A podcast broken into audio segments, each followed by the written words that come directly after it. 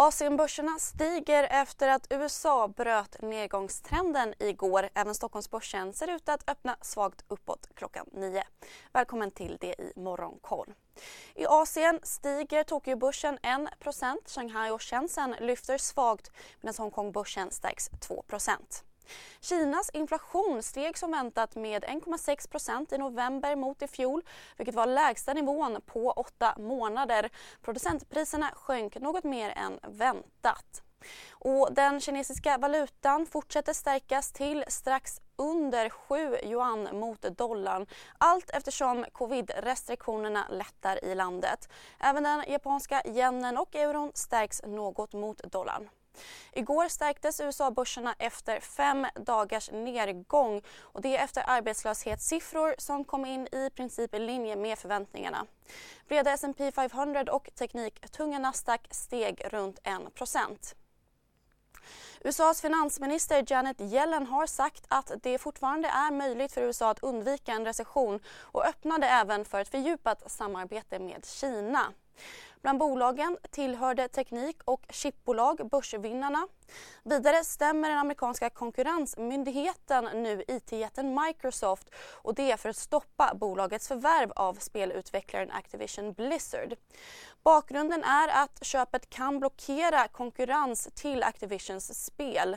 Affären värderas till 700 miljarder kronor och om det går igenom blir det Microsofts och branschens största köp någonsin. Beskedet fick båda bolagens aktier att tappa igår.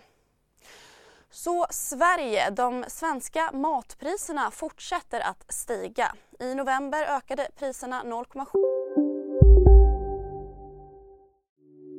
Hej, Ulf Kristersson här. På många sätt är det en mörk tid vi lever i. Men nu tar vi ett stort steg för att göra Sverige till en tryggare och säkrare plats. Sverige är nu medlem i Nato. En för alla, alla för en. 7% mot i oktober och matpriserna har nu ökat hela 15% på ett år. Det enligt Matpriskollen. Mest ökar priserna för fisk och skaldjur, mejeriprodukter och ost. Även priset på toalett och hushållspapper ökade 7% i november. Läkemedelsbolaget Camurus har fått ett datum för möjligt marknadsgodkännande för den amerikanska marknaden. Läkemedelsmyndigheten FDA har nu satt ett måldatum för godkännande till den 23 maj nästa år och bolagets preparat är redan godkänt i bland annat EU. SAS har tagit ytterligare ett steg i sitt Chapter 11-förfarande. Igår godkände den amerikanska konkursdomstolen det kollektivavtal som SAS slöt med pilotföreningarna tidigare i somras. Avtalet sträcker sig fem år framåt. Medicinteknikbolaget Biko gör en emission om 500 miljoner kronor till tyska dataanalysbolaget Sartorius som ökar ägandet till drygt 10% Emissionen gjordes med nästan 3 premie. Finska Fortum ska tillsammans med en fransk energijätte utreda möjligheten att bygga kärnkraft i Sverige och har med anledning av det skrivit ett ramavtal.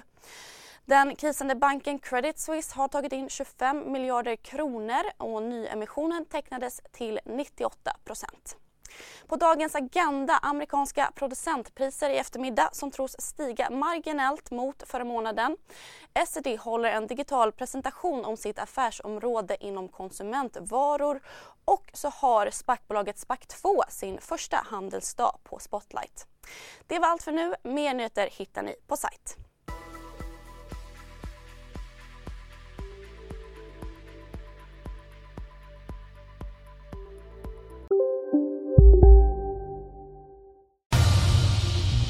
Expressen gör varje vecka podden Politikrummet där vi djupdyker i det senaste och viktigaste inom svensk politik. Med mig, Filippa Rogvall, som programledare tillsammans med mina vassa kollegor. Och det är ju ni som heter Thomas Nordenskjöld, Anette Holmqvist och Viktor Bartkrum. Politikrummet kommer med ett nytt avsnitt varje tisdag. Vi hörs. Vi är specialister på det vi gör, precis som du. Därför försäkrar vi på Swedea bara småföretag, som ditt. För oss är små företag alltid större än stora och vår företagsförsäkring anpassar sig helt efter firmans förutsättningar. Gå in på swedea.se företag och jämför själv.